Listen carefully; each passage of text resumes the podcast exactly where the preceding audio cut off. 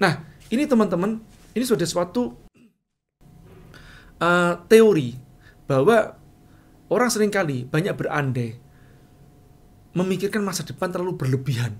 Padahal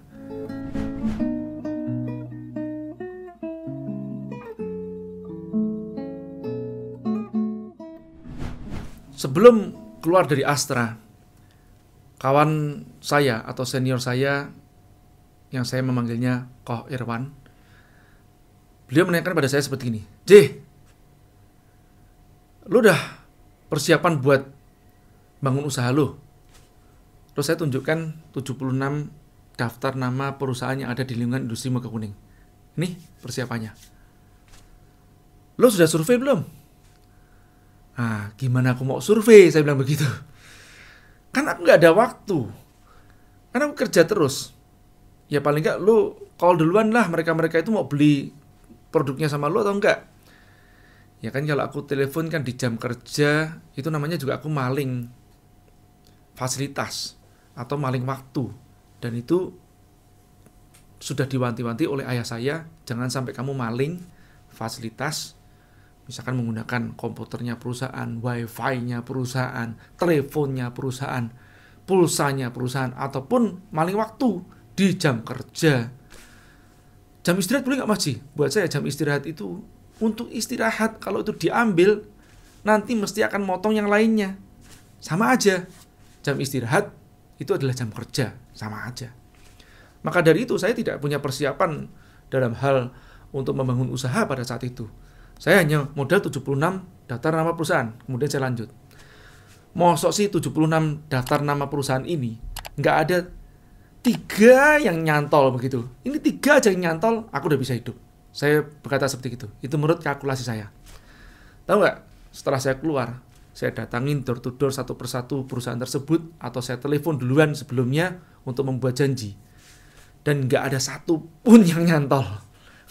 Ternyata dulu saya mungkin memberikan kemudahan bagi supplier baru untuk udah sini masuk ya saya berpikir positif untuk udahlah lihat duluan siapa tahu ini ada supplier baru yang membawa uh, suatu kabar yang lebih baik. Nah saya kasih kemudahan. Tapi ternyata tidak terjadi di luar. Di luar sana.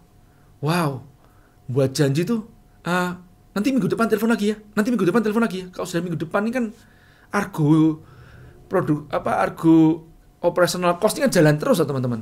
Nah jadi gimana? Saya nggak panik kan begitu. Nah sudah saya mikir nih seminggu ya terjadi saya mulai berpikir gimana ya caranya bisa masuk ke perusahaan-perusahaan itu. Dan itu baru terpikir setelah saya keluar dan saya gagal dengan perencanaan yang pertama menelepon mereka untuk buat janji baru tiba akalnya. Apa itu? Pada saat siang hari makan, saya makan di tempat food court. Food court itu Pujasera begitu ya. Bersama dengan para karyawan-karyawan semua yang lain di industri muka, muka kuning Batam. Nah, saya amati mereka menggunakan seragam nih, ya.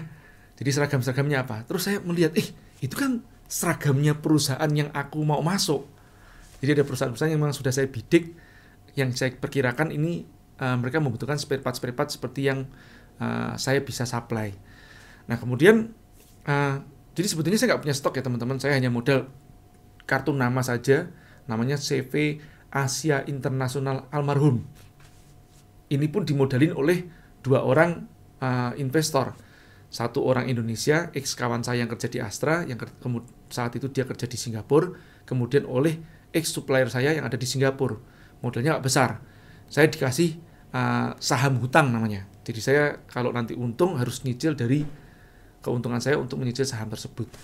Nah kemudian saya melihat uh, ada mereka-mereka yang pakai pakaian misalkan uh, oh si Vision nih dia pakai pakainya putih biru. Nah ciri khas orang-orang yang namanya engineer itu biasanya berkacamata terus kemudian ada test pen ada test pen di uh, apa di kantong uh, atasnya begitu Nah, dari situlah saya melihat, wah ini engineer nih. Jadi saya pendekatannya kan kalau ke tempat bagian purchaser atau buyer, saya nggak bisa mengidentifikasi mana buyer atau purchasernya. Tapi kan saya bisa mengidentifikasi user atau engineer-nya. Udah saya deketin.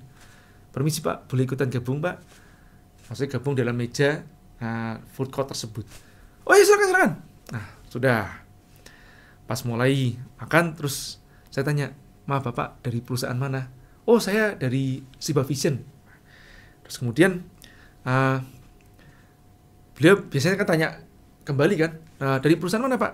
Karena saya pakai pakaian biasa pakai meja biasa yang tidak ada emblem perusahaan saya. Terus saya mengatakan oh saya dari ini pak perusahaan saya pak Asia Internasional. Hmm, terus dilihat kartu nama saya itu kosong kan? Jadi nggak ada tulisan apa apa kecuali tulisannya adalah account eksekutif. Ah saya tidak mau ngaku sebagai direktur nih. Lah saya ngaku direktur bagaimana? Wong saya itu direkturnya tuh kerja sendirian, ngangkat barang sendirian, beli barang sendirian, nyala sendirian, naik ojek lagi. Kan malu-maluin kalau saya ngaku direktur. Saya ngaku sebagai akun eksekutif aja. Oke, terus dia tanya, perusahaan apa nih? Oh, kita supply spare part, Pak, seperti ini, ini, ini. Wah, itu kita butuh tuh. Ya, mau bener. Saya sudah tahu bahwa mereka butuh. Karena saya ngerti perusahaannya mereka apa. Sudah masuk belum tempat kita? Oh, belum, Pak. Uh, belum ada aksesnya nih, Pak Oh, sudah telepon ke tempat bagian purchasing belum? Sudah pak, tapi belum dikasih uh, izin untuk ketemu pak. Wah, sudah nanti habis makan siang ketemu sama saya ya. Saya bawa ke sana. Oh siap pak. Itulah cara saya untuk masuk ke tempat perusahaan-perusahaan. Itu saya dapatkan setelah saya keluar. Pada saat saya di dalam, saya nggak ngerti. Nah, ini teman-teman, ini sudah suatu uh, teori bahwa orang sering kali banyak berandai memikirkan masa depan terlalu berlebihan. Padahal masa depan kita itu ketutupan sama tembok. Yang kita ngerti di balik tembok itu ada apa. Kita hanya tahu setelah kita membuka pintu, kemudian kita keluar dan kita berada di balik tembok tersebut, kita baru ngerti membuat strategi kemudian di belakangnya itu. Jadi jangan banyak, terlalu banyak strategi. Oke, ini yang pertama. Kemudian setelah saya membuat janji dan bertemu, masuk ke tempat perusahaan yang pertama. Awalnya tidak mudah juga teman-teman. Biasanya pada saat mengatakan supply spare part, oh kita sudah ada, kita sudah ada, selalu bilang begitu. Terus saking BT-nya saya, saya nyari akal lagi nih. Gimana ya, gimana ya? Wah, uh, kalau sudah mentok saya bilang begini. Gini aja ibu, ibu ada nggak spare part yang ibu nggak pernah dapatkan selama setahun dua tahun ini? Nah ini kejadian pada saat saya dulu di Astra itu ada namanya part-part yang biasanya uh, tidak didapatkan selama setahun dua tahun. Kadang-kadang itu kesalahan penulisan part numbernya. Ya contohnya begini, uh, part itu itu adalah bagian dari suatu mesin yang besar. Nah di dalam mesin yang besar itu mesinnya misalkan mereknya adalah ABC. Padahal si part itu adalah buatannya si CDE. Nah biasanya dia memberikan me mereknya itu adalah mereknya ABC disebut namanya manufacturing part number. Atau uh, nomor spare partnya berdasarkan nomor mesin. Nah itu kan susah nyarinya. Biasanya ketemu kecuali kita beli ke tempat si pembuat mesin. Memang ini adalah trik dari si pembuat, pembuat mesin agar beli spare partnya ke tempatnya dia. Padahal sebetulnya kita bisa beli spare part ke tempat si CDE tadi itu yang bisa lebih murah. Oke Lanjut ya. Nah, yang ginian biasanya buyer tidak banyak yang mengerti. Baru bisa mengerti atau memahami setelah dia turun ke lapangan dan itu pun juga dibutuhkan pengetahuan teknis. Tanya kepada si uh, end usernya, tanya ini ada produk substitute-nya nggak atau ini asli mereknya apa? Atau uh, dia spesifikasi teknisnya apa? Kadang-kadang kita bisa mencari dengan merek yang berbeda. Kalau dia sepakat setuju, kita carikan kemudian dia tanda tangan approve dan kita bisa mendapatkan uh, spare part itu. PO-nya jadi close. Oke okay. nah ini yang terjadi di perusahaan-perusahaan yang lain juga. Nah saya dulu termasuk spesialisasi nyari barang-barang yang susah seperti itu. Pas saya tanyakan biasanya ada. Loh ada pak ada pak. Bapak bisa? Bisa. Oke okay. uh, sini saya kasih pak. Nah ini pak Terus saya lihat sebentar, ah saya udah biasanya ngerti nih ya barangnya. Ada contoh barangnya nggak? Kalau ada seperti itu lebih enak. Ada. Oh saya udah ngerti. Ini dia salah nulis part number. Oke, kalau nggak saya biasanya tanya, ada end usernya yang bisa saya temuin? Oh ada pak. Saya temuin end usernya, saya catat spesifikasinya dan saya mendapatkan itu. Ya, dan saya mendapatkan replacement partnya. Nah, dari sini saya janji, uh, ibu, insya Allah ya dua hari saya akan fax ke ibu penawarannya. Oke pak. Nah ternyata setelah saya dapatkan informasinya dua jam saya fax. Nah di situlah saya mendapatkan kepercayaan dari si uh, customer ini. Itulah cara-cara saya masuk yang saya tidak pernah terpikir sebelum saya terjun di lapangan. Ya. Kemudian tahapan selanjutnya. Saya punya rutinitas. Biasanya jam 9 pagi saya sudah harus ada uh, di lingkungan industri tersebut dan sudah membuat janji-janji untuk ketemu. Kemudian siang makan siang saya berburu seragam-seragam yang saya mau uh, dekatin tadi itu yang mana saja. Nah jam 3 sore biasanya uh, klien-klien kita sudah tidak mau menerima tamu.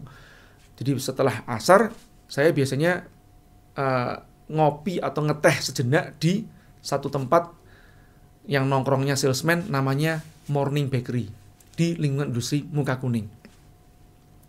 Sambil makan roti kacang. Nah, kesukaan saya ini roti kacang ya. Roti kacang dengan minum teh O. Teh O itu adalah teh manis panas kalau di Batam. Kemudian di sana kumpullah para salesman-salesman yang dulu mereka-mereka itu adalah ex supplier saya. Biasanya begini ketemu, eh Pak Jaya, eh J. Nah, saya akrab dengan mereka dan alhamdulillah karena saya tidak pernah menerima suap sesen pun dari mereka, jadi saya punya harga diri untuk bertemu dengan mereka. Ini pentingnya masalah kredibilitas atau integritas. Pada saat itu, wah mereka langsung akrab. J, J, gimana J? Udah masuk mana aja? Uh, belum banyak sih bang, baru sini gini nih. Uh, sini udah belum J? Belum bang. Sini udah belum bang.